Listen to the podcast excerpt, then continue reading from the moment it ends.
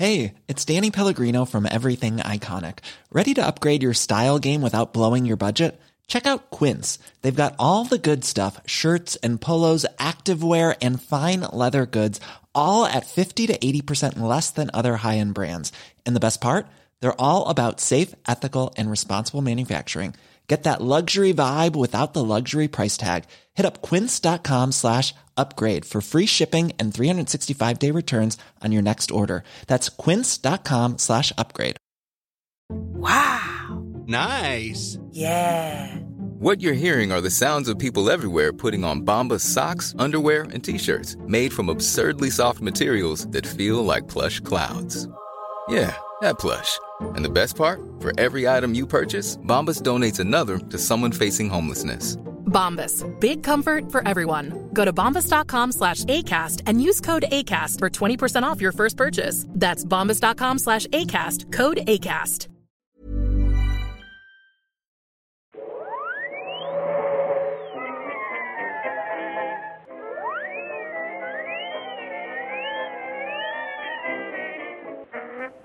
Börjar bara.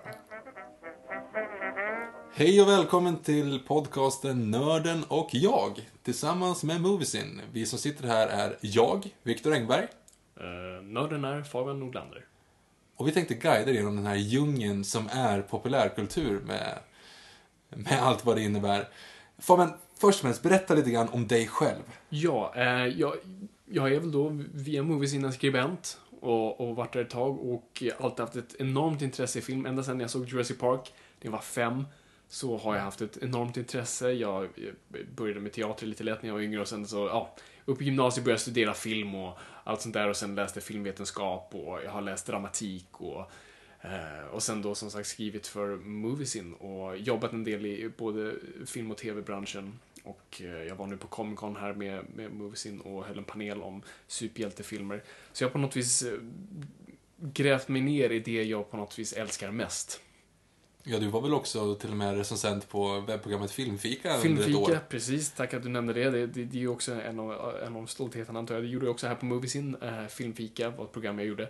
Där jag satt och recenserade film uh, i olika sammanhang och miljöer. Men du Viktor, du gick ja, väg. Ja, vi har ju känt varandra väldigt länge då och eh, när vi var ungefär 15 så gick vi ju väldigt skilda vägar i livet. Du valde att satsa på det här med film och, och den delen av, av eh, yrkesbanan. Jag körde ju det säkra kortet. Jag pluggade natur, eh, sen flyttade till Örebro och pluggade ekonomi och marknadsföring och just nu så har jag eh, ett jobb på en av Sveriges största banker. Så att jag är verkligen långt ifrån den där, din del av världen tänkte jag säga. Precis, du sålde din själ och jag bara simmade djupare. Så kan man också säga det. Mm. Eh, Så tanken med den här podcasten är helt enkelt att jag ska bara suga ur Fabian all information han har om det här. Och eh, är det någonting som han inte kan, ja men då tar vi in någon gäst. Ja, helt enkelt. Vi, vi ska helt enkelt bara dissekera olika, både nördkulturer och nördämnen och bara se vad vi kan hitta för nya saker och bara dissekera det öppet framför er som liket på en viktoriansk doktorkurs. En, precis, en sån. Jag har aldrig varit på en sån, men jag förstår säkert att du har... eh, Hur som helst. Välkommen till podcasten Nörden och jag. Mm, ska bli kul. Ja, fan, jag är taggad. Ja, jag med. Du på något vis introducerade mig till den kulturen som jag inte alls var... Ja, lite grann. Jag, jag växte upp med Batman och sånt där, men bara, om, om vi går tillbaka nu. Eh, förlåt om vi tröttnar ut er lyssnare. Vi, vi ska bara kort gå igenom det här så att ni får kontexten av det. För att när vi först träffas, liksom 1999, det är de första veckorna i, i skolan då vi går i trean. Eh, och jag var i jag vet inte, fritidsrummet det är strax innan skolan börjar och sådär. Och eh, jag sitter där och håller på med klossar, jag tror jag bygger något torn och sådär. Och så, Jag trodde bara det Jänka, det här spelet som Ja, alla det. fritids hade, men ingen fattade vad man skulle spela med. det. Så nej, nej, man lekte spelar, med man det. bara precis byggde Ja. grejer. Så jag satt och byggde och satt och väntade på en annan person.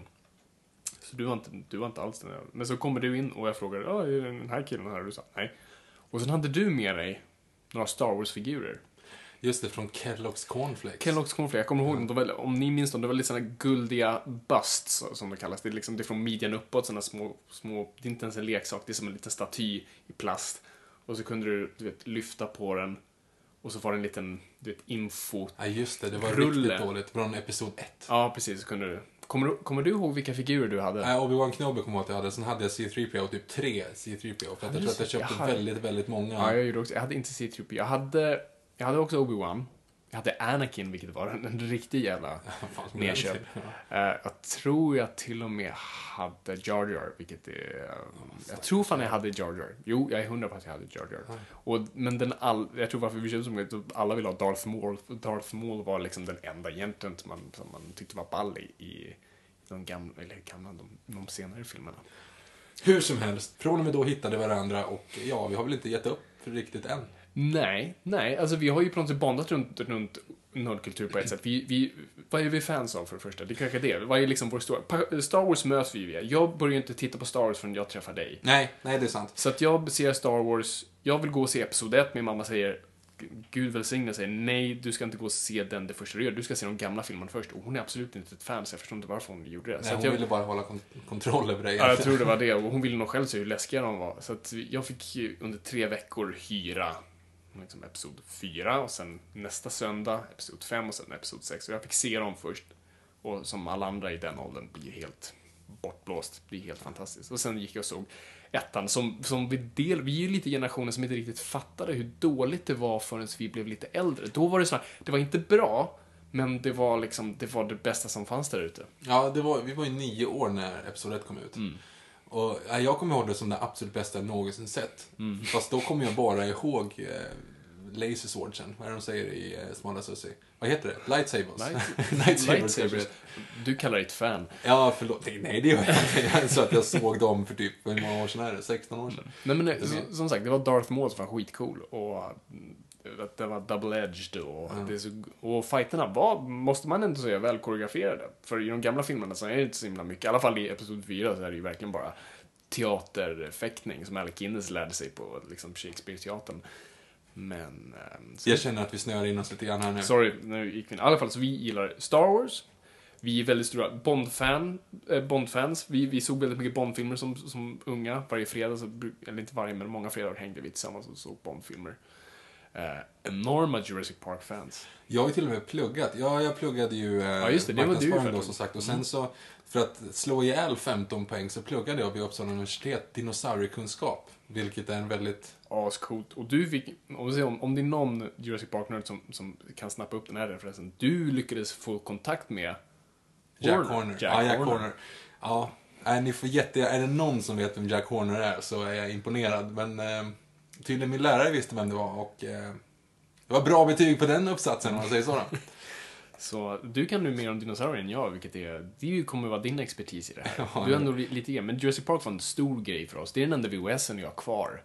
Uh, jo, i och för sig, jag var- Musse Piggs julafton och sen så här Jurassic Park. Men du har ju en inspelad version av typ halva Det våras för sheriffen också. Vad var det du hade? Nej, nej, det hade jag Ja, inte. Det kanske har, det ligger någonting här då. Skitsamma. Mm. Jag eh, välkomnar er helt enkelt med på det här tåget och hoppas att ni tycker att det är intressant. Ja, precis. Alltså, det, det vi kommer göra är att varje avsnitt tar ett ämne oftast, eller kanske två. Och så kommer vi prata om det. Så till exempel, vi är James Bond-fans och när Spectre kommer så kommer vi ha ett helt avsnitt om James Bond. Och det är lite så att vi kommer försöka hålla det. Saker som är kanske aktuella, kanske inte. Och hålla oss till det ämnet i hela podcasten.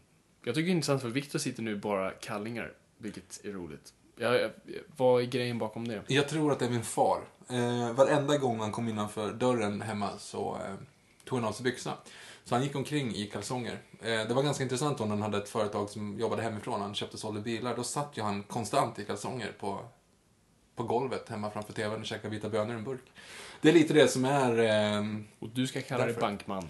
Ja, ja, jo men det är lite det nu. Och sen så kan det också vara så att eh, det var lite tight med skärpet här. Vi sitter lite framåtlutade. Eh, så att eh, byxorna av helt enkelt. Byxorna av. Men det, det är bara... Ja, det är ljud det här, så det är, det är barnvänligt hur som helst. Eller hur? Om vi inte går till mm, skarpa beskrivningar. Men det ska vi inte göra. Det ska vi inte göra. Vad är det vi ska prata om idag, Viktor? Vad, vad vill du lära dig idag? Grejen är ju så här nu.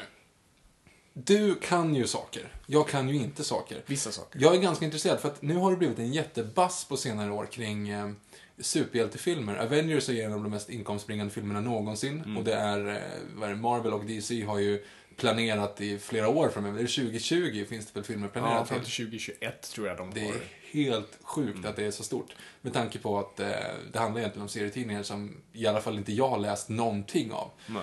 Så jag skulle helt enkelt vilja fråga dig Fabian, för det är en av anledningarna till att vi spelar in det här första avsnittet, att hur kan det ha blivit så här? Varför är serietidningen så stor just nu? Eh, det- Det är en väldigt bra fråga varför det är stort just nu. Antingen en, en riktigt bitter serietidningsfan skulle bara säga nu har alla andra bara fattat. Nu, liksom, vi fattade flera år innan, nu har alla andra bara hakat på. Men det känns som det borde ligga något i tiden för att det, det, det ska fungera på ett sätt. Och, och det finns en massa olika förklaringar till det. Ett är väl, alltså, jag tror finanskrisen gjorde väldigt mycket. För då när man kollar på, på depressionen på, på, på 30-talet så eh, var även befolkningen då i, i behov av väldigt, inte simpel, men, med stora spektakel på så vis. Serietidningen kommer upp då på 30-talet bland annat, men, men vad de framförallt eh, som kommer upp är den musikalen och den komiska musikalen i USA. Om, om man söker sig till spektakel snarare än typ Shakespeare.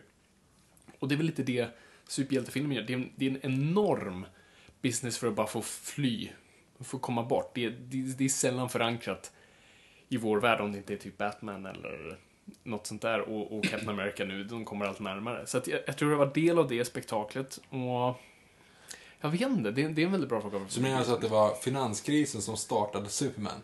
Nej. Menar du från början? Ja, eller? men från början. Ja, men vad, det var ju lite det du var inne på i så fall.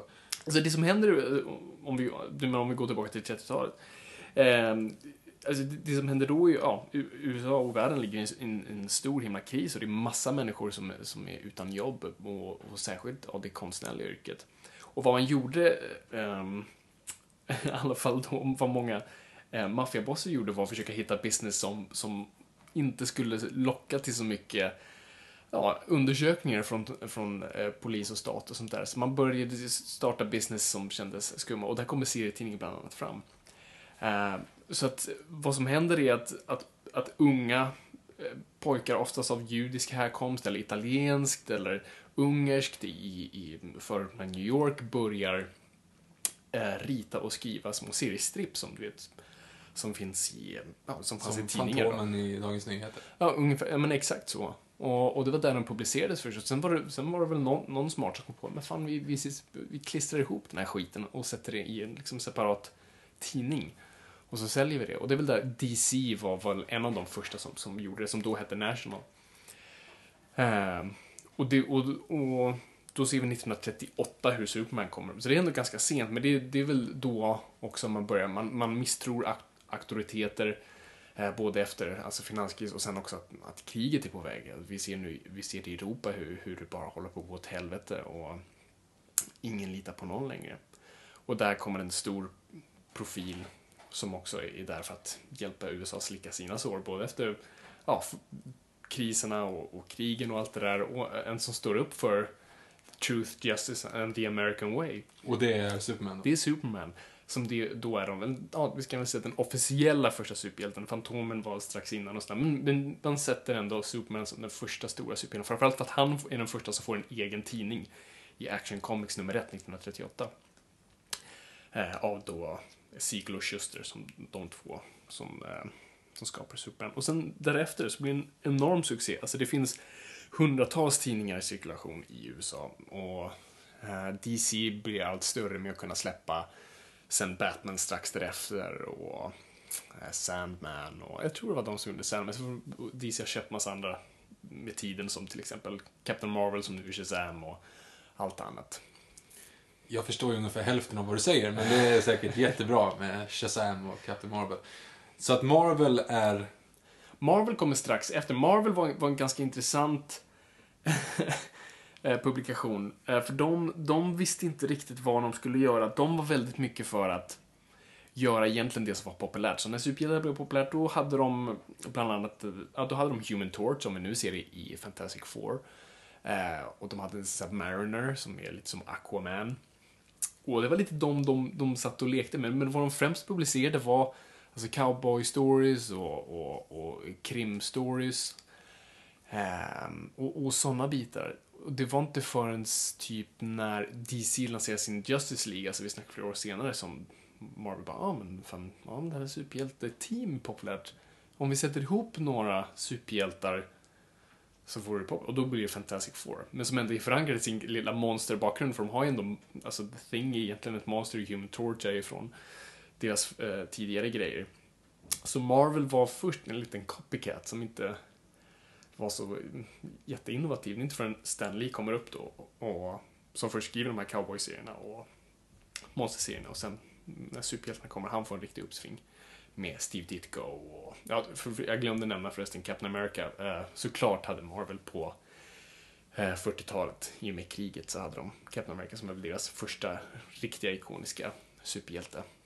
För det var ju då helt enkelt... Eh, är det inte den? Jag tror att jag sett någon sån här Captain America i första avsnittet, att han nitar Hitler i första avsnittet. Mm, i, ja, i, första, I första Captain America nummer ett så, så är det bara en rak höger Hitlers ansikte. Så det, det gav ju tonen rätt mycket för vad han, vad han skulle sen bli. En, en stor symbol för USA. Så att med andra ord så är det alltså att omvärlden kräver de här grejerna. Ja, det har de alltid gjort på ett sätt. Alltså superhjälten är inte en skill- eller äh, har ingen skillnad från grekisk mytologi, alltså gammal teologi överlag. Alltså vi har alltid krävt hjältar och, och gudar då som man sa förut. Alltså allt ifrån gamla testamentet till du har ja, men de grekiska myterna och indisk kultur. Alltså, det är egentligen samma. Så om du till exempel jämför, den, den klassiska jämförelsen är ju, om du nu drar, dra för mig uh, Supermans origin, simpelt. Han bor på en planet där man av en händelse ser ut som människor och pratar engelska. Eh, Ja, nu tänker jag på Man of Steel, men okej, håll, håll dig bara till the basics. Ja, Okej, nej men eh, han eh, bor på en planet, eller han föds på en planet som håller på att gå under. Så att hans pappa sätter honom i en eh, skyttel och skickar iväg honom och han landar på jorden. Och sen beroende på om man tittar på Smallville eller om man tittar på Zack Snyder-universumet så eh, växer han upp under ett eh, helamerikanskt eh, skydd och sen så... Ja, han blir adopterad. Ja, han, han blir adopterad och sen så blir han ju bäst på jorden. Ja, typ. en, en hjälte för sitt folk. Och sen Ja. så drar du för mig the origin story av Moses. Ah, I see where you're going with Mm, this. precis, det är exakt samma sak. En Ja. värld som är på väg att gå under. Mor och far lägger sin son i en liten korg som de skickar längs Nilen. Blir då upplockad av Farao. farao och, och hans fru och adopteras och sen blir hjälte för sitt folk. Så att du ser en tydlig koppling där som egentligen, alltså, det var det man gjorde. Man tog vad man kände till och särskilt från de här judiska pojkarna eh, tog den storyn och, och bara uppdaterade den. Så att det är egentligen samma sak om och om igen. Batman är Prometheus eller ja, vilka fler jämförelser? Men det, finns, ja, det finns massor. Men eh, han var The Shadow bland annat, men det, det, det, är en- det är en annan serie, seriefigur. Skitsamma. Det, det har alltid varit ett behov av gudar och historier på ett sätt som, som fyller en funktion att bara förstärka oss i vår själ på ett sätt. Det är väl det jag också får ut av läsa serier. Man, man, man får någon slags liksom väldigt varm känsla av att läsa om. Jag vet inte, varje gång Batman slår någon ansiktet så mår man lite bra. Så att när andra världskriget och allting där tog slut, vad hände då? då? Eh, det blir en stor kris på ett sätt, för att helt plötsligt så... Det är lite som James Bond efter kalla kriget. Det, det, det är som att det inte finns ett behov för dem längre. För nu, det här var symboler som på något vis, för soldater läste serietidningar också, jättemånga. Och, men när de kom tillbaka så, och var väldigt förstörda med individer, så och tvn och radion dyker upp på ett helt annat sätt. Så underhållning för barn blir mer spritt. Så att det, det är inte samma behov längre. Så det, den hamnar i en liten kris. Det måste framförallt hända sen på 60-talet är när en, en så kallad psykolog, Fredrik Wortham, skriver en bok som heter Seduction of the Innocent. Eh, där han bara kom på att ja, men jag kanske ska kapitalisera på att uh, se till att ja, serietidningar går under. Varför inte? För att du hade precis haft McCarthy-eran då man hade försökt sätta dit kommunister och eh, man var tvungen att hitta någonting annat. Så ja, men varför inte hitta det som förstör vår ungdom? Jo, men det är nog serietidningar. Så Fredrik Wortham skrev en bok då strax om där han bara dissekerade varenda cykel. Batman var ju homosexuell och pedofil för han bodde ju med Robin och de sov tillsammans i vissa, vissa tidningar. Och, och Wonder Woman, ja, hon, hon utslöts från eh, katolska eh, katoliker för att hon, hon, hon var väldigt mycket in, into bondage. Um, Wonder Woman kan vi ta en annan, det är också en intressant historia. Men, men han helt plötsligt, ja, han får för sig bara att sänka superhjältarna och lyckas ganska bra. Det blir en masshysteri runt superhjält, eh, superhjälteserier och folk har såna bål de man kastar serietidningar på. Och det blir såna ja, bokbål. Som när Beatles sa att de var större än Jesus. Alltså det, det var den effekten. Så serietidningen hamnar i någon slags stor kris. Alltså det, på den tiden var man nära att lägga ner Batman. Mm. Och han räddas sen då av RMOS TV-serien. Men, äh, så där hamnade serietidningsbranschen i en stor kris. Som de ja, klarade sig ur, men med, ja, Och det här är på 50-talet då? ja 60-talet snarare. Men vad är det som sen, för det är väl på 60-talet alla de här Spider-Man och hela det gänget kommer? Precis, för då börjar Marvel, precis, för Marvel dyker upp på, på, på ett väldigt stort sätt. Eh, framförallt med Spider-Man och, och du har Avengers med Thor och Hulken och alla andra. Och det, på något vis då måste vi komma att 60-talet, då är det nästan 30 år sedan DC satte igång det här. Så att när ungdomarna får helt plötsligt Spiderman, då är, ju, då är ju Batman Superman din farfars superhjältar.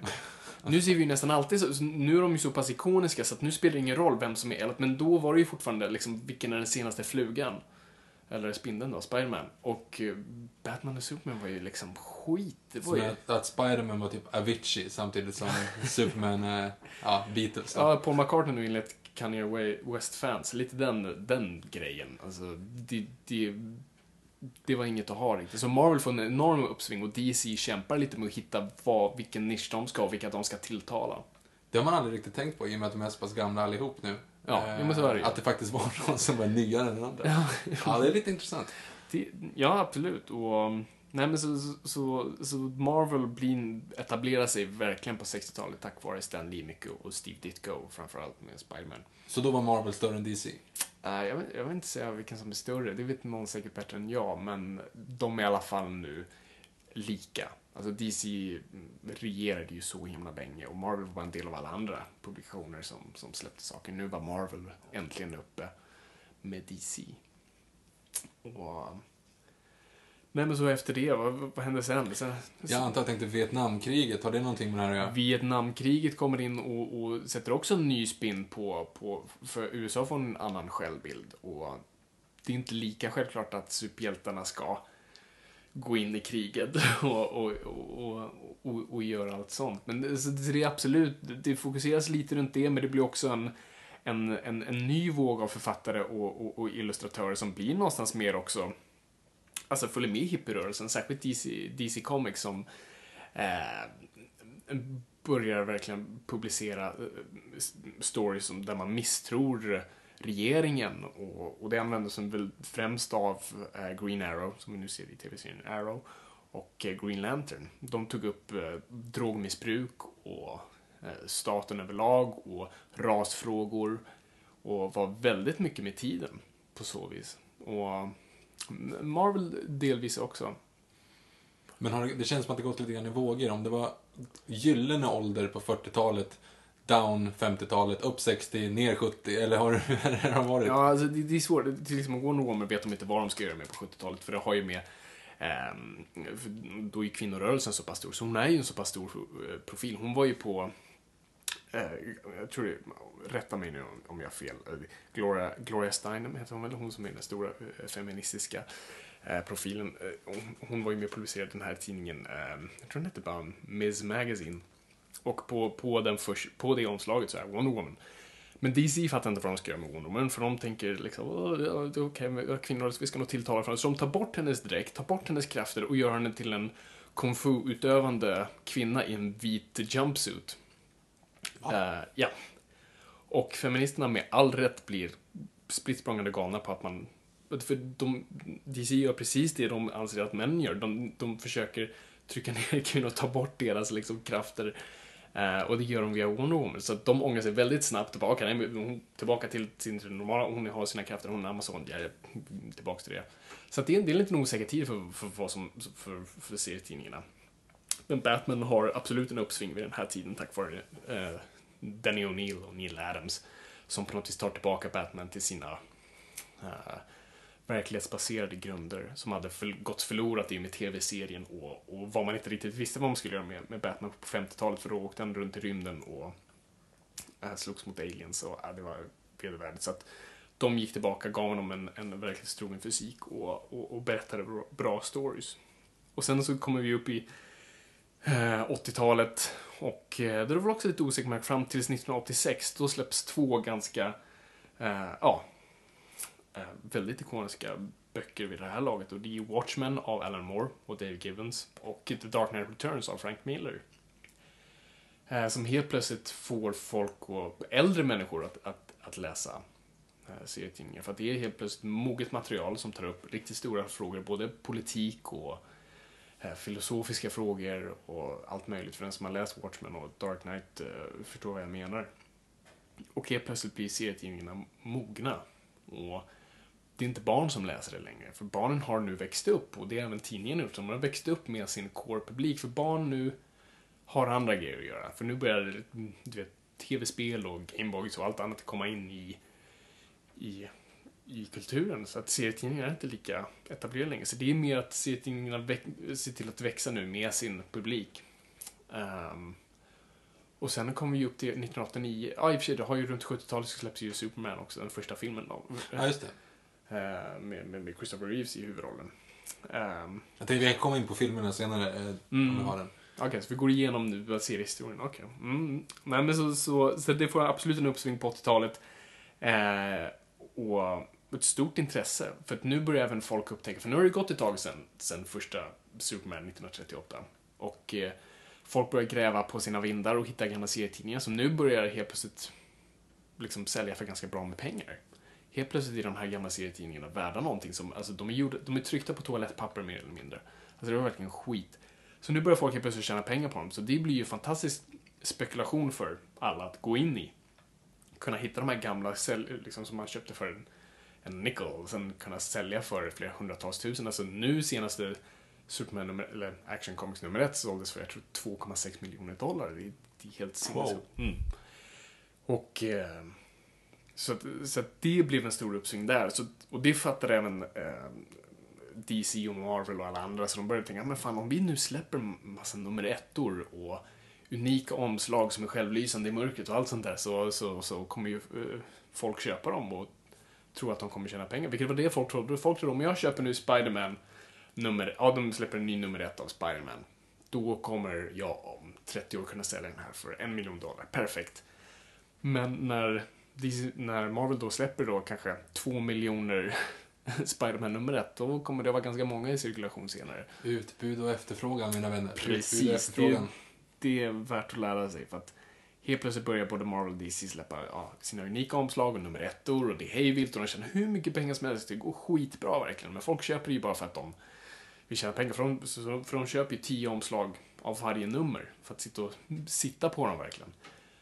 Och vad som händer sen är att folk börjar fatta att nej, men, det, här, det här kommer ju inte gå. Så mycket som publiceras, det här, det här kommer vi inte kunna tjäna på. Så bara över en natt så släcker någon ljuset och eh, alla håller på att gå under. Särskilt Marvel håller verkligen på att gå under. Så de säljer sina rättigheter till filmbolag hit och dit bara för att kunna stå på sina fötter.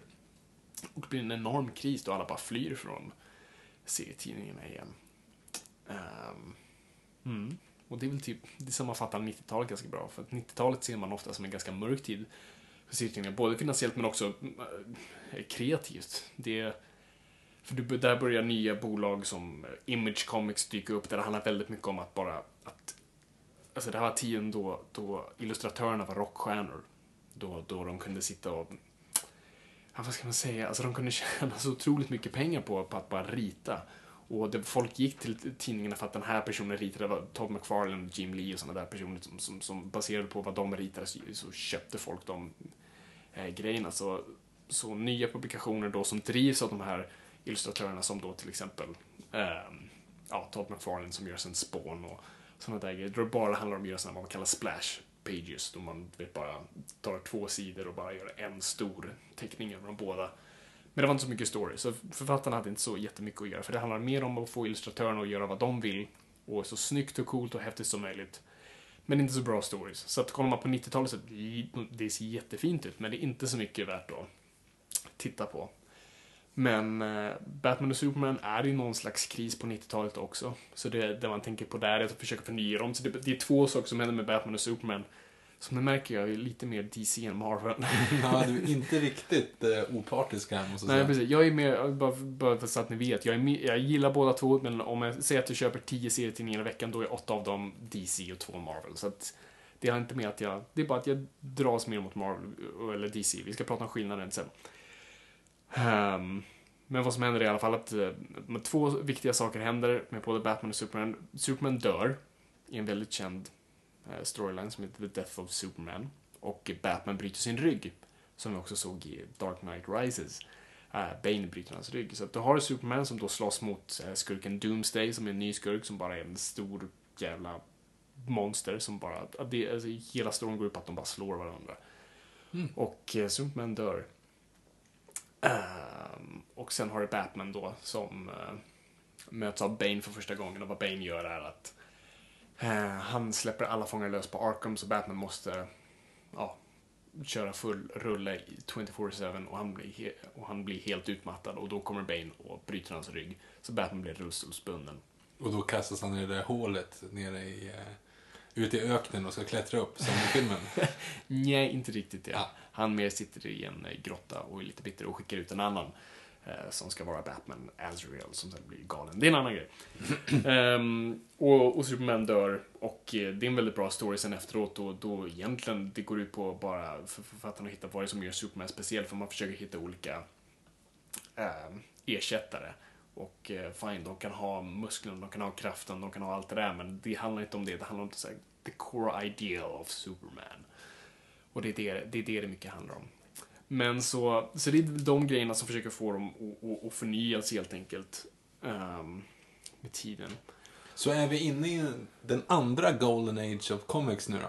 I och med att filmerna har blivit så populära. Nu, jag tror det någonstans. Jag, jag tror att folk mer än någonsin nu dras tillbaka till serier på ett annat sätt. För att jag tror folk nu vet mer. I alla fall i USA. Här, är det, här tror jag inte så många riktigt fattat än vad, att serietidningar inte är för barn längre. För det är de verkligen inte. Läser du en Batman-serie nu så är det hur grovt som helst och väldigt tunga teman och, mm, och rent visuellt. Så att det är inte för barn längre. Och jag tror folk börjar fatta det. Så när man ser någonting som Captain America Winter Soldier så- så vill man så går folk och letar upp liksom, de storyna som finns. Och det är skitkul. Så jag tror absolut det. Jag, tror, jag, tror, jag, jag pratade med några, ja för det, det kan man ju för sig säga att de har rebootat nu igen, både Marvel och DC eh, för några år sedan. DC gjorde så, vad de har gjort ett antal gånger. DC är väldigt tjock när det kommer till kontinuitet. Alltså vad som har hänt med en karaktär. Så, så Superman har fått ett barn eller Batman har haft ett antal Robins. Och ja, så då tycker oftast DC att nej, nu har det gått för långt, nu rebootar vi det. Så då gör man oftast de här storylines som de kallar crisis och då i stort sett bara förgör de allt och så bara föds nytt. För att DC jobbar väldigt mycket utifrån ett, vad man kallar ett eh, multiversum. Så att det finns flera olika parallella universum. Så det, på så vis leker de med att reboota det. Ja, det är ett enkelt sätt att lösa det om man tröttnar på karaktären. Precis, så 2011 så rebootade de igen ehm, med någonting de kallar The New 52. Och då gjorde man så bara, okej, men nu, nu börjar vi om för noll. En del av alla karaktärers historia existerar, en del inte. Men det har gått, när vi kommer in i storyn i alla de här nummeretterna, så har det gått fem år. Superhjältar har funnits i fem år. Ehm, och då var det lättare för folk att komma in. Och det har hjälpt dem otroligt mycket. Marvel gjorde typ samma sak. Fast ändå inte. De rebootade inte det. va? De, de satte en ny titel på allt. De kallade det All New Marvel Now. Satte de en liten stämpel på och började göra nummerettor. Så att det var enklare att komma Så stories var enklare för folk att komma in i, men det var fortfarande väldigt tungt i kontinuitet. Det är därför jag är lite svårare för Marvel just för att liksom, vill jag börja läsa Captain Marvel nu så är det väldigt svårt att komma in i dem om inte jag verkligen gör researchen, vilket i och för sig är ganska enkelt. Men... Eh, så det är väl det som på något vis har hänt de senaste åren. Så det var en kort utläggning om stories bakom serietidningarna. Ja. Hur kommer ni in på filmen? Ja, eh, filmen, det har, det har ju funnits olika... Eh, alltså, mediet har alltid försökt utnyttja serietidningar, för det är ett väldigt visuellt medium, men det har ju alltid varit så pass um, beroende av effekter på ett sätt. Så att, att superhjältefilmer kom in ganska sent är inte så konstigt. Men vi har ju haft, alltså vad man kallar movie serials har ju funnits på, på 30-40-talet och man hade sådana här matinéer. Så det fanns ju sådana riktigt billiga, du vet, Batman-kortfilmer som gjordes. Har du sett någon? Eh, inte en hel, jag har sett så här, klipp från dem och det ser ju hemskt ut. Alltså, det ser ut som Batman pyjamas. Eh, det ser ut som Batman-dräkten jag hade när jag var liten. Uh, det kan vi komma in på en annan gång. Du hade väl eh, Batwoman, va? Eh, Batgirl tror jag att det var. Batgirl? Batwoman Eh, är inte någon, är någonting Nej, annat. Batwoman är en annan. Det, det, hon existerar, men Ah, eh, aha, inte, lika. Ja. inte lika etablerad. Nej, det var en Batgirl-dräkt, är jag ganska säker på. För jag kommer ihåg när jag var, när jag var yngre och, och hade, jag älskade min Batman-dräkt. Och så kom jag, och så var det, det var på dagis tror jag, så det var någon slags dag då alla fick klä ut sig. Och så kom en, han hette Viktor, det var inte du Viktor, det var en annan Viktor. Och jag hatar honom. Förlåt Viktor om du lyssnar på det här, men jag hatade dig.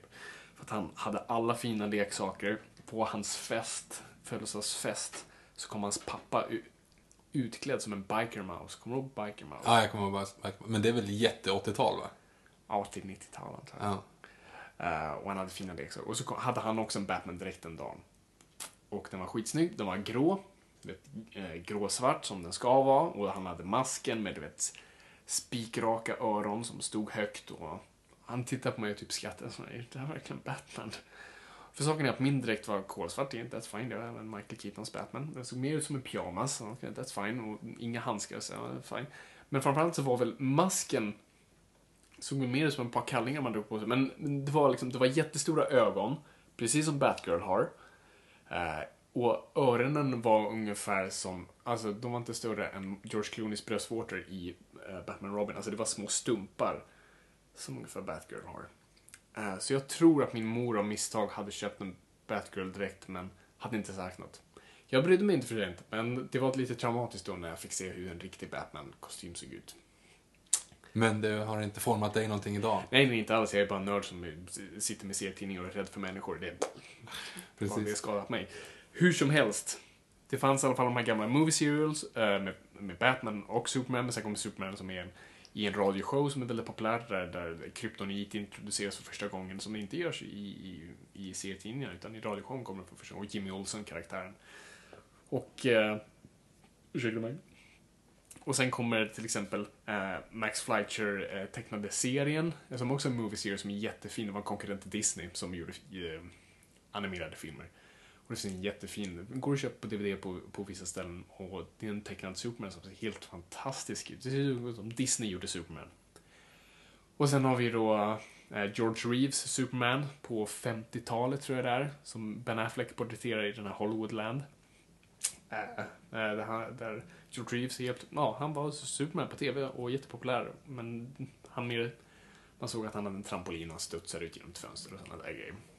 Eh, och det är väl en av de stora bitarna. Och sen så har du ju 1966 så kom ju Adam West Batman som jag tror vi alla känner till. Jag vet, har du sett någonting av Jag har inte sett någonting. Jag har bara sett Family Guys version av det.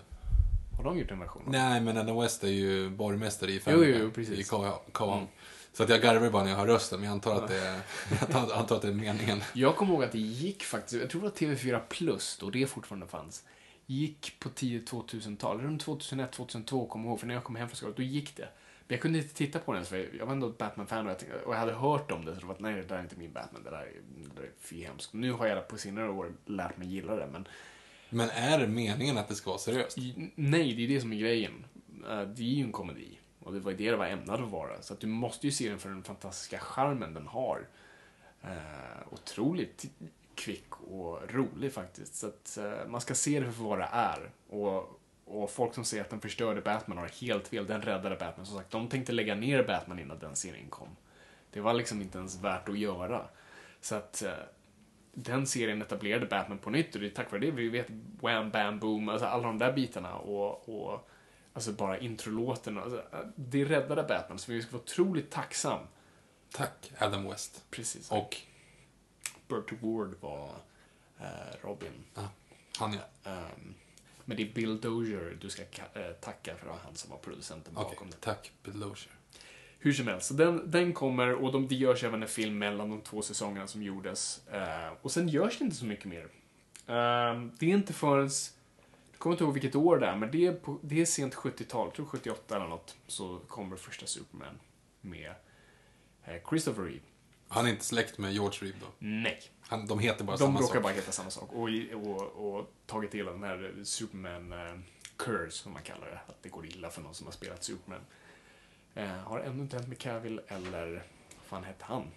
Men, Eh, Superman Returns åh, killen. han ja. Han hette... pretty boyen där som är Ja, pojkvännen till... Eh, just det, han spelar pojkvän där i Second Mirror Makes a Porno. Just det.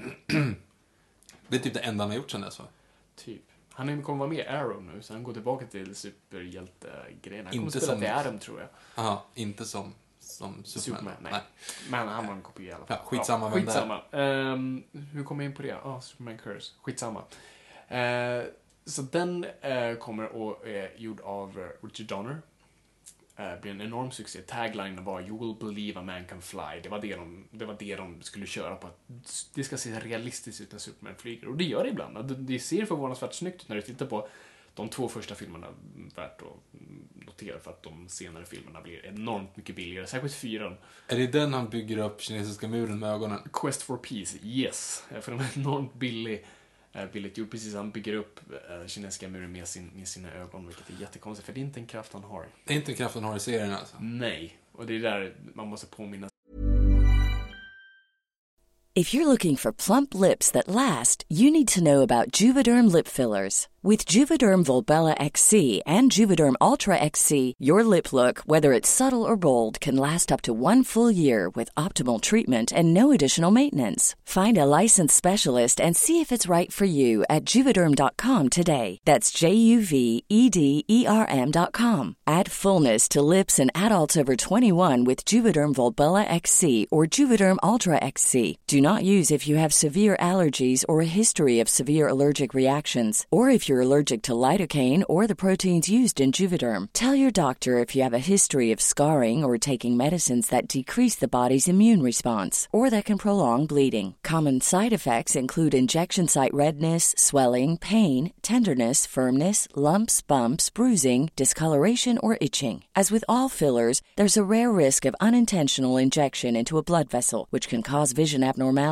blindness, stroke, temporary scabs, or scarring. For full important safety information, visit juvederm.com. Hiring for your small business? If you're not looking for professionals on LinkedIn, you're looking in the wrong place. That's like looking for your car keys in a fish tank. LinkedIn helps you hire professionals you can't find anywhere else, even those who aren't actively searching for a new job but might be open to the perfect role. In a given month, over 70% of LinkedIn users don't even visit other leading job sites. So start looking in the right place. With LinkedIn, you can hire professionals like a professional. Post your free job on linkedin.com/people slash people today. Hey Dave, Yeah, Randy. since we founded Bombus, we've always said our socks, underwear, and t-shirts are super soft. Any new ideas? Maybe sublimely soft. Or disgustingly cozy? Wait, what? I got it. Bombus. Absurdly comfortable essentials for yourself And for those facing homelessness. because one purchased equals one donated. Wow, did we just write an ad? Yes. Bombas. Big comfort for everyone. Go to bombas.com slash ACAST and use code ACAST for 20% off your first purchase. själv för, för vi ser ting snö. brukar jag säga, Nej, för det är inte så han, det, det är inte verkligt. Det, det är inte så han gör. Och sen måste vi bara komma ihåg att inget av det är verkligt. Men nej, det är inte en av hans krafter. Ja, precis. Det är overkligt att den kan bygga muren. Däremot laserögonen och flyga, det är... Ja, ja, herregud. Det är, fan, han är från Krypton. Um, och det är vår gula sol som ger honom hans krafter gentemot den röda solen som Krypton um, var vid. Hur som helst. Uh, det blir en enorm, enorm succé i alla fall. Uh, Superman-filmen är enorm. Det är en riktig blockbuster i sin renaste form. Och de har Gene Hackman och då Marlon Brando framförallt som de stora stjärnorna som, som de ehm, liksom bankar filmen på. För Reeves känner ingen till. Så att eh, man säger att vi har Brando och vi har Hackman. Det här är en legitim film. Och det var det som på något vis gjorde fick folk att, komma dit för helt plötsligt var det en seriös film. För de hade de, två av de största seriösa dramaskådisarna i världen som spelade då Lex Luthor och Jor-El. Ehm, så det blev en stor succé. Tvåan också en jättestor succé. Som är min personliga favorit. Jag föredrar tvåan framför uh, ettan. Vilken är han spolar tillbaka tiden genom att åka runt jorden? Det är ettan. Eh, Den är sådär, och den måste är, jag Det är väl också en sån här kraft som vi får. och det fungerar inte riktigt bara om man tänker på fysiken av det hela, men ja. Nej, nej absolut inte. Och sen så kan man ju också bara ställa frågan varför gör han inte det jämt? Så Ja, fort precis. någonting så händer. fort någonting händer. Jag tror i, i, i The Richard Donner Cut i tvåan, när, han gör Director's Cut, så gör han det igen faktiskt. Men ja, Så att skitsamma. det är två filmer efter varandra som har samma upplösning, att han spolar tillbaka tiden. Ja, jag har för mig att det, det är på något vis samma för att, ja skitsamma, det är krångligt. Men, eh, men det, ja, det, det, det är en konstig lösning som man inte riktigt köper. Men det är en enorm succé i alla fall. Och därefter så, så, så händer det egentligen inte så mycket på flera år. Det görs inte fler superhjältefilmer för att man, man nöttar ut Superman tills det är liksom en pisspöl i hörnet. Tills han går på en kryptonit. Precis, det är i och för sig trean, men det... ehm, bra skämt. Mm. Tack. Eh, så det händer inte så mycket sen. Eh, och, och um, vad som händer, ja, det är inte förrän 1989 som, som Tim Burtons Batman dyker upp. Och det är väl den, den har väl du, är väl du uppvuxen med? Precis Ja, den såg jag. Eh, Den tyckte jag dock var lite tråkig. Eller jag tror faktiskt att det, om jag ska erkänna nu så här lite grann i efterhand, jag tyckte att den var läskig. Du tycker den var läskig? Ja, jag När- när såg du den för första Ja, gången? men man kan vara fem, sex. Ja. Alltså det är ju för tidigt. Ja, det är på tok för tidigt. De är ju riktigt mörka de filmerna. I alla fall Ja. för ett barn. Nu när man tittar på dem så är det som, jag vet inte, cirkus. Alltså det, det, den är, det är nästan Adam West för oss, men, men då är det väldigt mörkt, särskilt um, ytan om man tittar på det. Jo, men det är inte den han typ så här, han skjuter ju missiler på folk och grejer. Mm, precis. Alltså principen om Batman är att han inte dödar och inte använder vapen. Och det dödar de ju ganska mycket. Alltså, ja, Batman åker in i Ace Chemicals och släpper en bomb. så att alla dör på fabriken. Eh, och sen när han ska mm, få tag i Jokern så försöker han ju faktiskt skjuta honom. Ehm, så det är väl lite... Och vad tycker ditt serietidningshjärta om det då? Alltså, jag gillar väl Tim Burtons filmer baserat på nostalgin och inte så mycket mer. Alltså, ska man kolla på det Bat- med Batman-ögon så är den ju helt befängd. Alltså, I den så är det Jokern som dödar Bruce Waynes föräldrar. Vilket är jättekonstigt. Och framförallt att han ska komma ihåg det. Och det blir nästan som ett hämnduppdrag för honom i sista akten. Sen, och, och, och, och Batman Returns är ju ren Tim Burton-film. Det är ju inte så mycket en Batman-film. Alltså Batman är inte ens med i den filmen knappt. Det handlar ju bara om pingvinen och Catwoman. Det är ju det, alltså, det, är det Tim Burton var så fascinerad med. Det var ju monstren, inte så mycket Batman. Men är inte det samma grej som i princip berättade om att de använde Gene Hackman i eh, första Superman då? Alltså att det är skurkarna som står i fokus. Är inte det meningen? Men alltså Richard Donner, jag tycker inte att, att Luther tar så stor plats i, i de filmerna. Eh, De har absolut ett, ett stort fokus så, men det inte, inte det hela fokuset. Men i Tim Burtons filmer, och vilket är väldigt lätt när det kommer till Batman-skurkar, för Batman-skurkar är, alltså Batman har de bästa skurkarna. Och det är väldigt lätt att förälska sig i dem och fokusera sig 100% på dem. Men det är väl också lite fel väg att gå. Med too much of a good thing. Så vad, hur påverkade de här filmerna? De gjorde väl, hur många gjorde han? Två, tre, fyra? Hur många Batman-filmer var det? Det, det gjordes ju, alltså, Tim Burton gjorde två. Och sen har vi två till som är Batman Forever och Batman och Robin. Just det. Som- Det är det då han har uh, nipples. Precis, det är Batman och Robin. Eh, Den är inte bra. Nej, den är inte bra. Den, den är hemsk. Jag vet inte, jag, jag, alltså, Och just nu, den är verkligen inte bra. alltså det går inte riktigt, jag, det, det känns så ut, alltså, att prata om det känns så uttröttat för att det känns som att alla pratar om hur dåliga och alla vet att de filmerna är dåliga. Och de är dåliga, jag, jag kan inte säga så mycket mer. Men de är riktigt jävla hemska. Visst är det den han har, eh, typ, det är Arnold Schwarzenegger som spelar den här frysgubben. Och då går han in och fryser ett helt museum och då klackar de ihop, Batman och Robin kan klacka ihop sina skor. Så, att så de blir det skridskor. Utifall att, liksom. Just det. Mm, Det är jättekonstigt. Ah, Jag, vet inte, jag kan inte ens prata om det. Alltså det, är- det är som, ah, jag vet inte. Mm, nej, det går inte. Nej, vi jag släpper inte ens gå in på det. Ja, du ser verkligen helt förstörd ut. Det gör bara ont. det gör bara ont. Nej, men gud. Nej, men så det som händer, det blir en liten uppsving på 90-talet. ehm, eh, för det är fortfarande bara Batman som nästan görs, men, men, men Marvel har sålt sina rättigheter, så det görs Blade bland annat. Med Wesley Snipes. Är det en superhjälte? Eh, han räknas väl lite som en superhjälte, för han är en Marvel-karaktär. Eh, och så på så vis räknas han väl som det, jag vet inte. Men, eh, så det görs väl. Sen är det säkert lite fler som, är, som, jag, som jag inte kommer ihåg. Real Steel med Shaq O'Neal. Real Steel gör som är baserad på en Superman-karaktär. Eh, vilket är jättekonstigt att de ens gjorde den, för att, ja, jag, jag, jag, jag, vet inte. Den av någon anledning har jag sett. Har du sett hela Steel? Heter den heter den Steel kanske bara? Eller vad heter den? Ja, Real, nej, Real Steel är den med Hugh Ja, Jackman. det är? Hugh Jackman. Ja, ja det, det är inte den. Nej, nej men just det. Jo men Shaquille O'Neal som går omkring i typ en riddarrustning. Ja, det, Jag tror att jag såg den väldigt länge sedan. Men... Jag var ganska stolt över, jag, jag skrev en artikel om det i, i Moviesyn, om, om superhjältefilmer som floppade. Och jag, jag var ganska stolt över den formuleringen, för Shaquille O'Neal beskrevs som en, vad sa jag? En frihetsber- han agerade som en frihetsberövad cirkuskamel. Uh, fick jag till det, tyckte jag. Det är ett väldigt dåligt betyg till skådespeleri.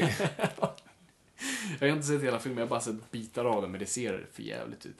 Det, det, det som gjorde, och det floppade ju såklart. Så det testas lite saker på 90-talet. Man försöker testa och se vad man kan göra. Spawn görs till film bland annat.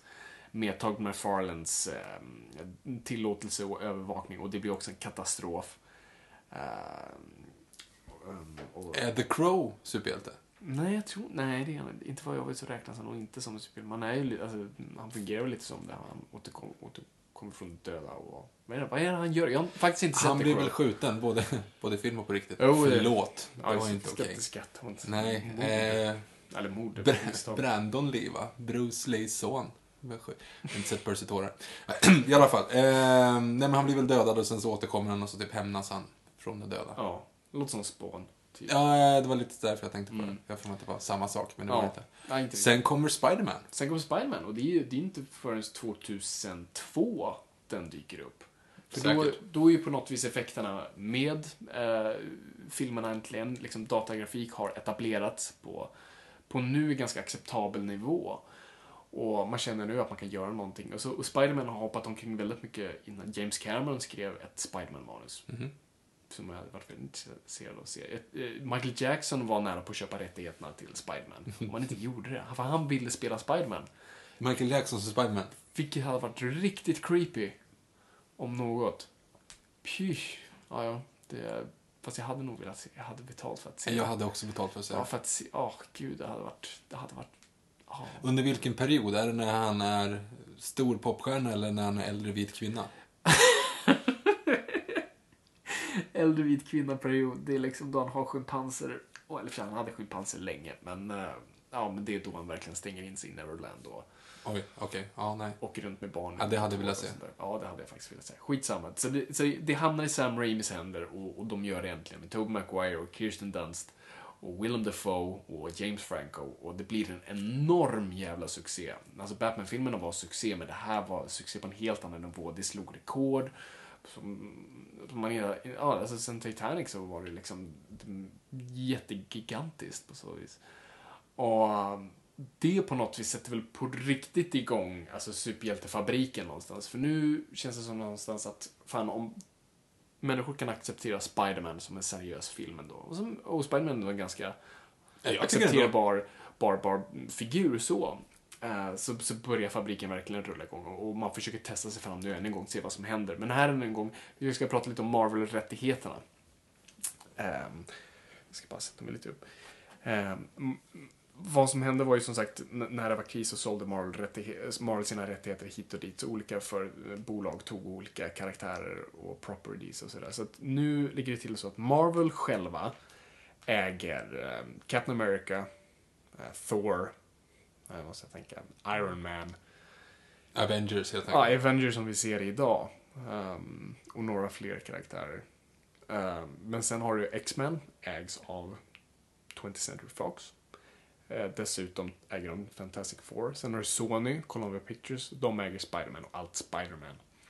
Så det är därför vi inte riktigt kan se dessa karaktärer tillsammans. Och det är därför det görs en film som Guardians of the Galaxy. För att alltså, Marvel skrapar lite i botten. Nu blev det en väldigt bra film. Men det är väldigt kul att en, en sån, alltså det var ju, ingen kände ju till Guardians of the Galaxy, inte ens jag. Alltså, Då är det illa, ska jag säga. nej, det, det vet jag inte. Men ingen, inte många kände till det i alla fall. Möjligtvis några karaktärer. Så att, ehm, alltså det är väl därför det har varit så pass brett spritt med dem. Medan Warner Bros äger eh, ja, alla, alltså, alla DC-karaktärer. Där finns det ingen som har mandlat iväg. Så det är väl därför Ska vi bara göra det här lite klart för oss nu. Vilka karaktärer är Marvel, vilka karaktärer är DC? Ja, vi kan prata lite om skillnaden mellan Marvel och DC. För det, det är också en, en, en, en väldigt stor skillnad om man, om man tänker rent eh, tematiskt och, och karaktärsmässigt. Så det man brukar säga om Marvel och DC är att Eh, I Marvels universum så är det trubbel som eh, söker upp karaktärerna. Men i DC så är det karaktärerna som söker upp trubbel. Ah. Så då har vi exempel Batman, han åker ut varje dag med Batmobilen och sitter på ett hustak och väntar att något ska hända. Och verkligen sitter och patrullerar. Medan Spiderman ofta, alltså det visade filmen ganska bra, Spiderman handlar ofta som jag är på väg till Mary Janes eh, eh, konsert och så kommer Green Goblin och plockar honom på vägen. Det är ungefär så det är, alltså man, mer en motvillig superhjältegrej. Och sen har DC också mer eh, de, ja, gudkaraktärer mer, alltså gud, nästan gudaktiga. Eh, och Marvel är mer, alltså ett misslyckat experiment. Det är väl typ alla karaktärer? Typ alla. Det är oftast någonting radioaktivt involverat. Så att, så att DC oftast har man en, i grund och botten i sin kärna, en anledning att gå ut och slåss mot bad guys. Medan i Marvel så blir det nästan en skyldighet. Lite där, great powers come great responsibility. Spiderman har de här krafterna så nu borde han göra någonting av dem. Så det är väl det som är den stora skillnaden mellan dem. I alla fall, Spiderman. Efter Spiderman var det fullt, fullt ös, eller vad säger man? Ja, då börjar det bli fullt ös. Då börjar man testa lite olika. Det kommer ju uh, Ang Lees Hulken. Den var dålig. Den var ganska dålig. Um, Hulken slåss mot jättepudlar. Det är väl... Det är, just det, är en genmanipulerad jättepudel Ja. som typ slåss mot honom. Det är en... Och Eric Bana är Hulken. Precis, vilket var ett ganska bra val ändå. Det är en bra skådis och, och man köper honom som Bruce Banner och det... det Fast den är skittråkig, det händer ju ingenting på typ Nej, första det händer- timmen. Nej, exakt. Alltså, den, den är verkligen en serietidningsfilm i, sig- i dess renaste form för att den visar verkligen saker i paneler, såna serietidningspaneler och... eh, ja, men verkligen... Den tar sig själv inte sär- särskilt seriöst, men ändå, det var en seriös regissör. Alltså, Ang Lee var ju den stora regissören. Han- Alltså, Crouching Tiger, Hidden Dragon. Är det före eller efter Broken Mountain? Det är före. Eh, det är många år före. Och, och han, han tog det ändå som det skulle vara en eh, metafor för eh, ja, men, eh, amerikansk utrikespolitik, tror jag han sa. Men det var, sen var det ganska ett cirkulerande skämt när den filmen You won't like me when I'm Ang Lee. som fungerar på flera nivåer. Ehm, så den görs bland annat och massa andra, an, andra saker testas omkring och man försöker bara hitta en, liksom, en modell som fungerar och vissa saker fungerar, andra inte. Men det väl, det är väl Spiderman som fungerar främst och sen X-Men-filmerna kommer runt samma tider, om inte till och med innan. Det är kanske värt att nämna att X-Men, Bryan Singers X-Men kommer och gör också en bra, stor succé. Inte som Spiderman, men en stor succé. Och etablerar Hugh Jackman. Och sen... eh, sen Ja, lugn nu, etablera Hugh Jackman. Han eh, är med i Swordfish. Ja, det är efter eh, X-Men. Är det? Ja, Jaha, det är det det. kanske inte. Ja, faktiskt. Så Så han såg det så var väl, ja, men det var lite såhär, han eh, var väl tvungen att säga, nu måste jag göra en annan film så jag inte stämplar som Wolverine och så gjorde han Swordfish och den kan vi ta en annan gång. Det kan vi definitivt vara. Ehm, och vad har vi efter det? Sen kommer typ egentligen Nolans Batman som dyker upp som, som vi ser på Men det var ja, Singer gjorde väl eh, Superman Returns va? Superman Return. Den är, ja, den är faktiskt strax innan. Den, jag tror det är samma år, men den kommer absolut innan. Och ehm, absolut, och det, och det hade ju också cirkulerats väldigt länge om vad nästa Superman-film skulle vara. För strax efter Tim Burtons film så tänkte man att nu kan vi göra en till. Så då, Kevin Smith bland annat, om ni, om, om ni vill veta den storyn så, så rekommenderar jag att ni googlar det på YouTube. Det finns en jättebra historia av Kevin Smith själv som fick uppdraget att skriva nästa Superman-film som var Superman Lives som sen plockades upp av Tim Burton och skulle ha Nicolas Cage som Superman. Och googla de bilderna, det är också jätteroligt. Ehm, men det blir ingenting av. De försöker massa olika... mm, Brett Ratner försöker göra en eh, Superman-film och du har J.J. Abrams skriver ett manus och massa olika försök görs. Men sen är det då Brian Singer som då, ja, av succén av X-Men, får chansen att ge sig på det. Och det han vill är att göra en nostalgisk film som tittar tillbaka på dess historia och framförallt Richard Donners Superman. Så de gör egentligen bara en uppföljare, därav Superman Returns. Men som ignorerar trean och fyran, utan bara tar ettan och tvåan och Superman var borta ett tag och återkommer nu igen. Du och jag såg den ihop. Ja, Ehm, den har jag för mig inte var speciellt bra heller. den är, jag hatar den ganska passionerat. Jag tycker den är värdelös. Är inte den som, jo, han eh, går omkring i typ två och en halv timme utan att slå en enda person. Ja, alltså, ja, han slår inte någon tror jag, Superman. Nej, precis. Nej, men, ja, men precis. Vilket Filmen de, är väl kompens- de alltså. kompenserade ganska bra i, i Man of Steel där. Ja, då slåss han Eh, lite väl mycket. istället. Ganska mycket. Men, nej, men den, var, den var hemsk. Den, för, den vägrade släppa det förflutna som var så fint och vägrade gå vidare. Och Superman bara är emo, går runt och gnäller och gråter. Och Just det, han hänger inte. utanför Lois Lanes fönster. han är en och bara stalker. tittar på han är henne. skitcreepy. Vilket han inte behöver göra, eller i och med att han har röntgensyn så behöver han inte kolla genom fönstret. Han är bara creepy. Han använder sin röntgensyn också. Han gör det, det är ännu mer creepy. Alltså, det är skitcreepy. Eh, lite spoilervarning då för den som inte har sett den. Mm. Eh, men han har ju en son i den också. Han har en son, så att, som Kevin Smith fint sa, liksom, den, han sa liksom, den största frågan Lois Lane skulle ha frågat sig och Superman är, When did you rape me Superman? För hon kommer inte ihåg det. Och jag minns inte, jo i och för sig, de ligger ju i tvåan, det är nog det de refererar till, de ligger ju i tvåan. Jag har inte sett När Super- då, men... När Superman har blivit Men vänta, hur fungerar det? Om du har en helt annorlunda uppsatt DNA-uppsättning, alltså om du har utvecklats, Mm. om evolution har skett på helt skilda håll, Ja. då borde de inte ens ha någon procent eh, lika DNA, då borde det inte kunna bli ett barn. Exakt. Nu är jag lite väl inne där, självklart. Men, men alltså, det borde ju vara som att typ försöka para en, en åsna med en, med en fisk. Alltså, det borde inte fungera överhuvudtaget. Nej, det borde verkligen inte fungera. Eh, Och sen att det blir ett barn. Sen Det är ett. Jättefint, perfekt barn som, som delar deras eh, kvaliteter. Mm, konstigt. Hur vet man ens att de är anatomiskt likadant uppbyggda? Tänk om krypton, Kryptonians, vad heter de? Vad Ja, heter de? Kryptonians. Okej, ja. mm? Om de parar sig genom att gnugga håret med varandra istället, då hade det ju varit Jag jättekonstigt. har gjort så mycket själv. Jag var på en annan podcast då, då vi läste upp en sån, eh, en sån eh, skämtserie som jag tror var från Tumblr då det just var så att en Supermans eh, ehm, ja, eh, penis var, hade typ taggar och, grejer. Vem vet? Vem vet? Det, det vet Det visas aldrig i serietidningar. Eller? Nej, det gör det inte. Ah, okej. Ja. Så det, den filmen är fel på så många vis. Också Lex Luthor som, som de fick fel från första början. Det var okej i Richard Donner Superman, that's fine. Men att han ständigt är kåt på att äga land är jättekonstigt. För att Lex Luthor är inte alls som han är i de filmerna, utan han är mer som förhoppningsvis kommer se nu Batman Superman. Uh, han är en businessman, han är redan rik, han behöver inte, han är en, det är liksom, han konkurrerar med Bruce Wayne om de, liksom, den största mongulen ever. Och han har alla pengar han kan behöva. Det är inte det det handlar om. Vad, vad Lex Luthor, och vilket som gör det ganska coolt och simpelt, är att han lider av en enorm narcissism. Och är en man som har byggt upp sin rikedom själv och sin styrka själv och sin profil själv. Och så kommer Superman här som har fått allting gratis. Han är, går emot de amerikanska idealen på så vis. Han har fått det här. Han har inte kämpat för någonting. Och ändå får han all jävla... Um, Precis som det där svinet Victor, när du hade din Batgirl-dräkt. Så Precis. kom de in bara med en Biker pappa och en jättesnygg Batman-dräkt. Exakt. Du kan identifiera dig med Lex Luthor då? Lätt. Absolut. Jag tror vi alla kan relatera till Lex Luthor som har varit avundsjuk på någon. Så, att, eh, det, är det, så det är det som gör det intressant. Lex Luthor vill bara ta bort Superman. För att han får all stjärnglans och strålkastarljuset på sig. Så att Lex Luthor vill bara bli av med honom. Vilket jag tycker bara är en fantastisk jävla anledning och ondskefull plott på så vis. Men nej, i Superman-filmerna ska han tydligen vilja ha land. Det är det det handlar om. Så då han snor ju en kristall i, i Superman Returns och från då Krypton.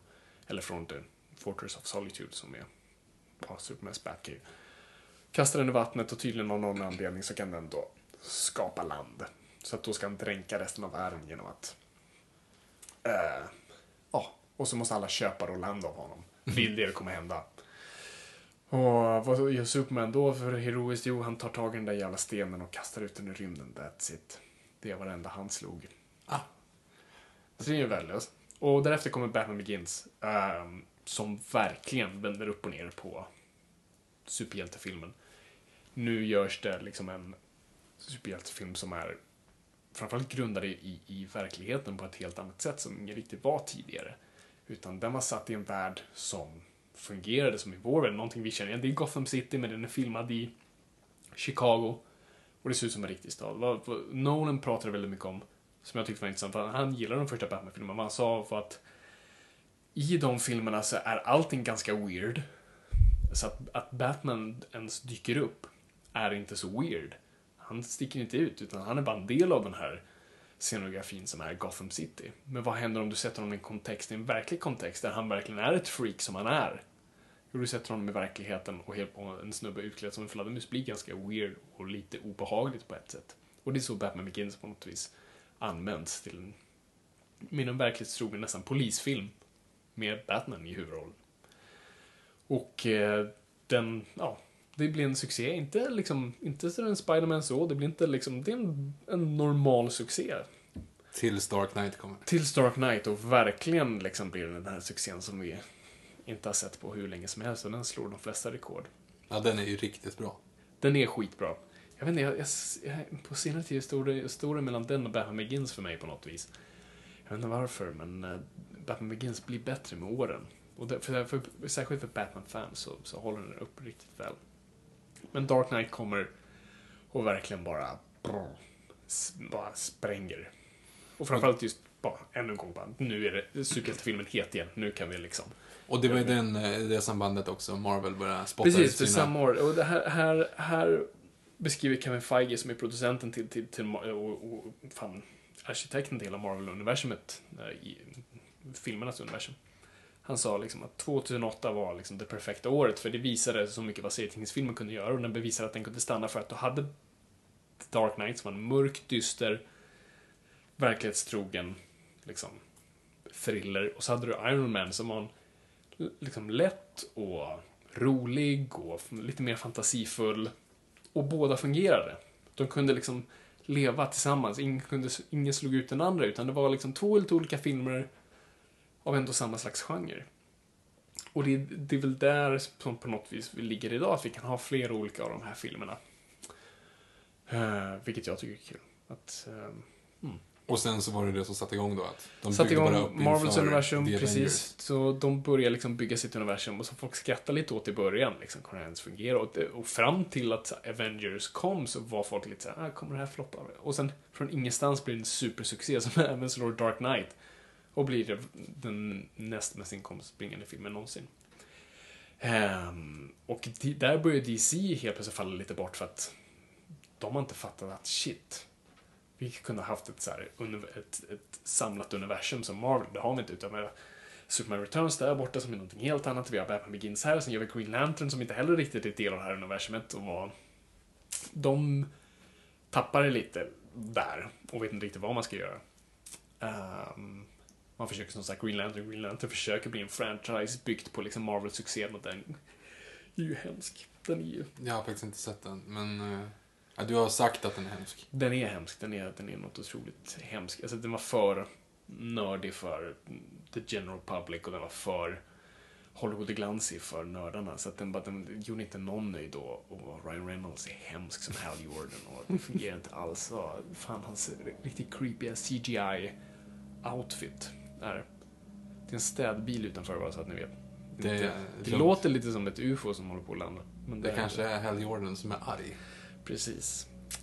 Nej, men så den är värdelös i alla fall. Och sen, det är väl nu DC har fattat att de ska bygga ett universum, så nu... Det är väl det de gör? Det är Alltså det de gör. och Med Man of Steel så var, det var försöket liksom, blir den, blir den en succé, vi rebootar Superman, så, så bygger vi vår, vårt universum på det.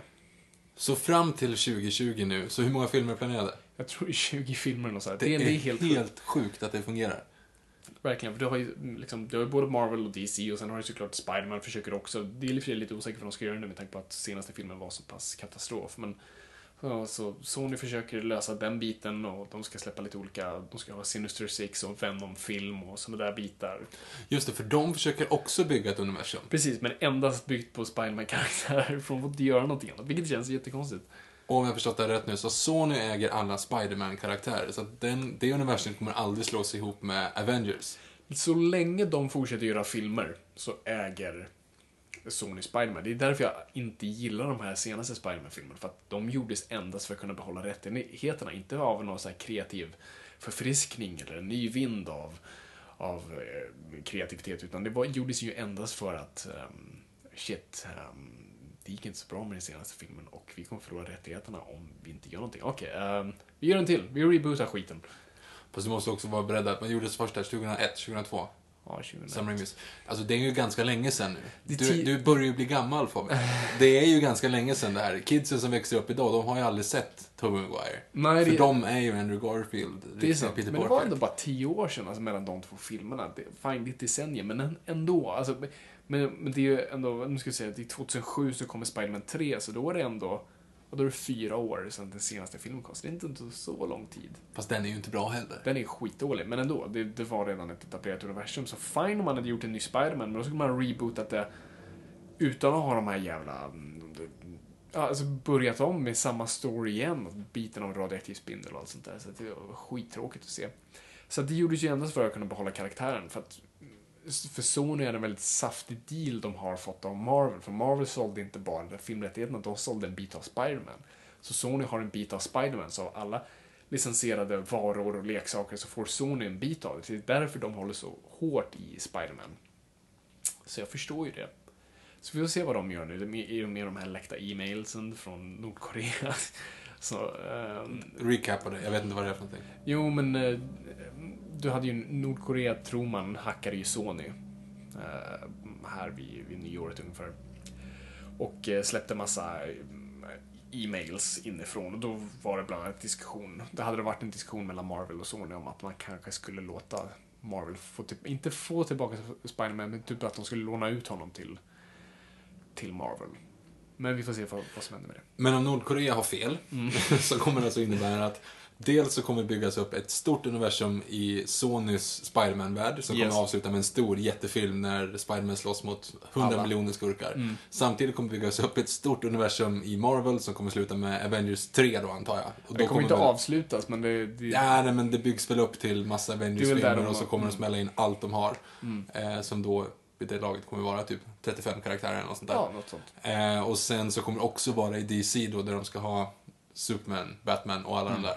Mm. Så att eh, inom sex år, lite drygt då, så kommer det att smälla ganska rejält på bio. Yes, och jag är taggad som fan. Alltså, det, det här är guldåren för oss som är intresserade av. Det är jättekul att se våra karaktärer ta seriöst oftast. Alltså Marvel gör ju ett väldigt bra jobb måste man ju säga. Alltså, de har verkligen, de tar liksom det bästa med sina karaktärer och väldigt mycket av grundstoryna och, och, gör film, och gör fantastiska filmer på det. Alltså det, det ska man vara så himla glad över. Det, det DC fortfarande bråkar lite med det, det vi inte riktigt vet än. Vi har bara sett en film än så länge, så att vi vet inte hur mycket, mm, äh, hur mycket de kommer plocka från, från sitt eget valv. Men man hoppas att de kör Marvel-skolan och bara, nej men fan, det här fungerar på papper, så varför ens fucka upp det? Men jag, fan, bara basera på att se nu hur Batman ser ut, hur Ben Affleck ser ut som Batman, så ser det fantastiskt ut. Det är liksom, jag säger redan nu att det är den bästa Batman-kostymen som har gjorts på film.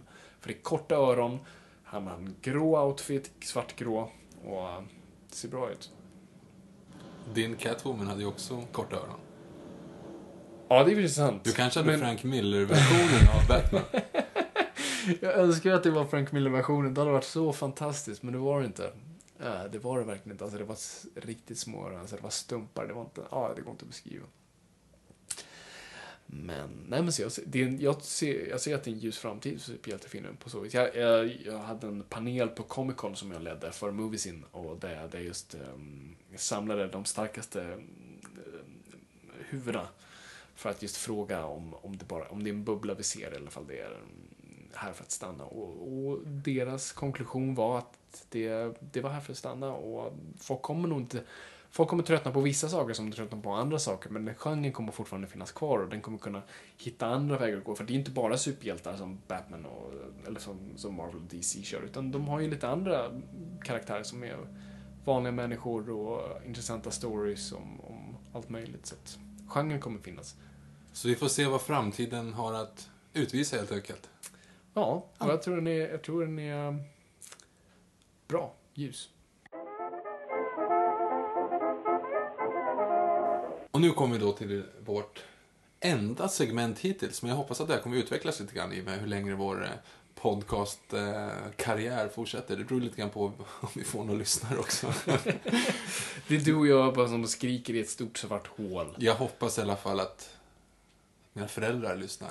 Det, det, det lär de Jag göra. tror inte Men att de gör det dock. Jag tror inte att, jag tror inte de ska orka. Man De har stängt så, av vi, den här är, tiden. men vi är för gamla nu för att föräldrar ska ens engagera sig i det man Ja, gör. faktiskt. Förut sympatitade man ställt- satt upp en pjäs eller något sånt där och de tittade, men det gör de inte mycket längre. Nej. Skitsamma. Ja, skitsamma. För vi tänkte göra så här. Fabian, du har ju ändå din eh, bakgrund inom filmrecensioner, skulle jag ändå vilja säga. Så det vore ju skönt att ja, lufta lite på den. eh, Du ska få briljera lite grann. Ännu mer. Tack. Och du är ju välkommen in i diskussionen här, Viktor. Men Jag har ju inte sett filmhelvetet, så Nej, jag vet precis. ju inte. Men vi, vi ska recensera en film, tänkte vi. Eh, varje, varje avsnitt ska vi recensera en film eller en serietidning. Någonting som, vi- som vi har sett. Och idag blir det en film och jag tänkte recensera Birdman, som, som är ute nu, som hade premiär här för ett litet tag sedan. Och den har väl ändå lite av den här eh, Den nörderiet i sig. Faktiskt, den håller ju tillbaka till, eh, kommer tillbaka till temat vi har haft. Det är ju Michael Keaton eh, som spelade Batman som här refererar till sin, sin Batman-tid. Men, eh, nej men för, för- ja, för, för att börja med, jag såg den på Stockholm Filmfestival så det var ett tag sedan jag såg den nu så vi får se hur färsk den är i mitt huvud.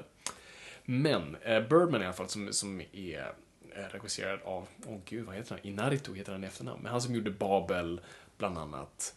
Och Beautiful som kom för några år sedan med Javier Bardem som, som jag inte tyckte om. Alltså, jag har haft svårt för hans filmer kan man väl säga tidigare för att eh, jag tycker han är så, de är väldigt deppiga. De är väldigt pretentiösa och kör på ett väldigt så här, tungt djup och ska vara det för sakens skull. Så jag är inget fan om man säger så. Uh, Så här har vi då Birdman som då är en mm, amerikansk producerad independent film av honom med då Michael Keaton, Edward Norton, eh, Emma Stone uh, och, och massa andra. Och där har vi helt enkelt Michael Keaton då som, som spelar en avdankad gammal skådis som en gång spelade en superhjälte då, i det här fallet Birdman och han gjorde tre filmer och eh, nu har flera år senare, han försöker få tillbaka sitt namn och framförallt etablera sig som seriös skådis. Han sätter upp en pjäs på Broadway, What We Talk About, What We Talk About Love. Den boken tar han och adapterar. Som är liksom tung och känslosam pjäs och han, eh, han ska då sätta upp den på Broadway. Eh, och vad som händer är väl att eh, ja, i ett, i tidigt skede så försvinner en av hans skådisar i en olycka så han måste skaffa en ny och då tar han till sig då av Edward Norton karaktär som då är en riktig eh, method acting skådis så han börjar på något vis ta över pjäsen.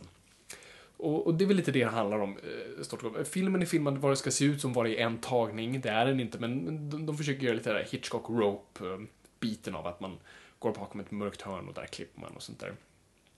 Eh, och eh, kort och gott måste jag säga att jag tycker det här var en fantastisk film. Eh, jag, ty jag, tycker Michael Keaton för det första är en otroligt bra skådespelare, underskattad framförallt. Jag tror många har glömt bort honom, men här får han verkligen visa vad han kan. Och han verkligen lyfter filmen och bär den på sina bara axlar och, och, och gör en prestation som du verkligen köper. Eh, mycket baserat på såklart hans tidigare historia med att ha varit en superhjälte, men också han, han tar någonting nytt till det och man ser att, det, att, att han verkligen har jobbat med en karaktär som är väldigt långt borta från han själv. Och, så det blir en, en film som är väldigt mycket byggd på prestationer och väldigt mycket på skådespelare runt omkring, för det, den är lite byggd som en teaterpjäs nästan, och särskilt med den här en enda tagningen. Och eh, det ligger så mycket på skådespelarna att, att, att, att jobba och alla är briljanta. Det, är liksom, det finns ingen fel not där någonstans. Och den blir så otroligt underhållande och rolig framförallt, vilket Inarito inte har gjort tidigare. Alltså verkligen jobba med komedi.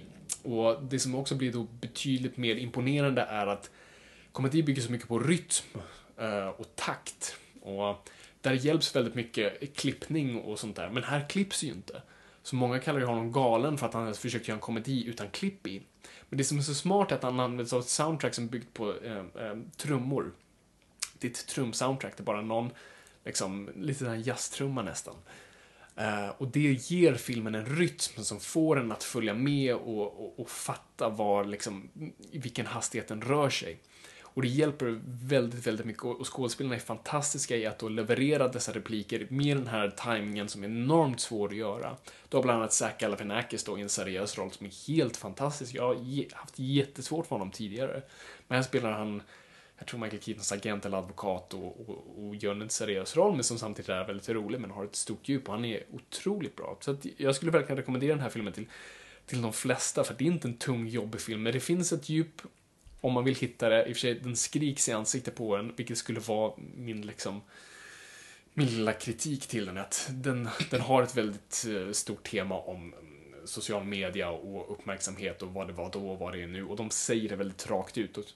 Och, jag förstår att det är svårt att etablera på ett annat sätt i och med hur filmen är uppbyggd, men det blir lite väl skriket och jag fattar vad de vill säga, men de måste säga det väldigt tydligt. Men annars tycker jag, jag tycker det är en fantastisk film och jag rekommenderar den till alla, även för Batman-fans eller folk som bara vill se en rolig, bra film. Så vad får den för betyg? Jag gillar skala eh, 1 till 5. Jag hatar 10-skalan för... Jag, Precis som Moviesen använder. 1 Ja. till 5 jag brukar säga det att liksom, det enda man bedömer på 10-skala är tv-spel och människor. Um, film är 1 till 5, jag är, jag är kanske väldigt konservativ där, men skitsamma. Så jag säger en, en, en väldigt stark 4. Uh, eh, och väl värd alla nomineringar som kommer komma här nu ju med Oscarsgalan och sånt där. Så att, uh, nej men, uh, en, riktigt bra film. Vad härligt. Och i och med det här ska vi runda av vårt första avsnitt av eh, Nörden och jag. Precis. Jag, jag hoppas ni har haft kul och att det har varit hyfsat informativt och inte, och inte tröttsamt. Jag, jag, jag har haft roligt. Ja, det känner jag. Jag satte ju bara igång dig här och jag, jag gillar det. Jag tycker att det är väldigt intressant. Jag har ju som sagt inte riktigt samma bakgrundsinformation som du har, men eh, jag tycker att det är intressant. Ni Ja. får ju självklart lämna allt ni bara kan i eh, åsiktsväg till oss. Ja, herregud. Märker ni att jag har sagt fel någonstans eller mm, ja, någonting ni vill tillägga så herregud, hör av. Var, var kan folk kontakta dig någonstans? Eh, Twitter? Twitter lättast. Viktor Engberg. Viktor med K, Engberg med E. Och jag är på Fabian Nordlander så det, det är inte svårare än så. Och vi skulle faktiskt kunna också starta en, en hashtag. Oj då. Eh, det är lite svårt att skriva just Nörden och jag podcast. Så kanske Nojpodd hade det funkat. Nojpodd. Ja, N-O-J-P-O-D. Det är Nojpodd. Det är ganska snabbt. Den lär inte finnas. Nej, det kommer nog vara vi som använder den. Kan- Jag kommer använda den. vet, man kan söka på det på, på hashtag så kommer det vara bara du och jag som använder den. Och det skulle vara underbart. Ja, det kanske. Okej. Vad sa du? Nojpodd? Nojpodd. Nojpodd. N-O-J-P-O-D. Nörden och jag. Vi, vi, testar det. Vi, vi testar en hashtag helt enkelt. Jag utmanar er att lägga upp någonting för den. Och inte bara ha mig själv att jag lägger upp. det Ja, kommer nej. vara du och jag. Ja, det kommer vara så ensamt. Och Jag om min mamma jag- hade Twitter, vilket hon tack gode gud inte har. Kan vi inte bara tvinga henne att starta ett eh, kvitto? Jag tror hon försökte en gång, det gick sådär. Ah. Jag tror inte hon fattade den biten. Hon har Facebook, väldigt aktiv på Facebook. Hon är en sån där som, som typ länkar... Jag tror inte riktigt hon har förstått det här. Dela och lajka. Jag har försökt, jag har försökt lära henne att, alltså, bara vara källkritisk. Ibland lägger hon upp saker som, som bara, från en blogg någonstans som inte alls är av nyhetsvärde. Och Mm. Hon har fått kritik för det, så man måste bara, kära mor, bara liksom kolla vad källan är och länka inte någonting om det inte verkligen är typ en, en legitimerad tidning du känner till. För annars kan det gå illa. Så att, eh, det är sånt man måste lära de stackarna. Men vi hoppas att det inte är bara jag, Fabian och Fabians mamma som eh, lyssnar på det här. Hur som helst, tack så jättemycket för att ni har lyssnat. Ja, och vi Eh. kommer lägga upp ett avsnitt igen med ett nytt tema, helt nytt tema då vi dissekerar det och snackar om det. Så att vi, vi, vi hoppas att eh, ni återkommer då. Och återigen tack till Moviesin som står ut med oss. Ja, tack och gud för dem. Yes, Ha, ha det bra. det är så. Hej. Hej. Och detsamma. Det var detsamma, det är ditt telefonsamtal. Ja, jag- Hej då allt folk, fan.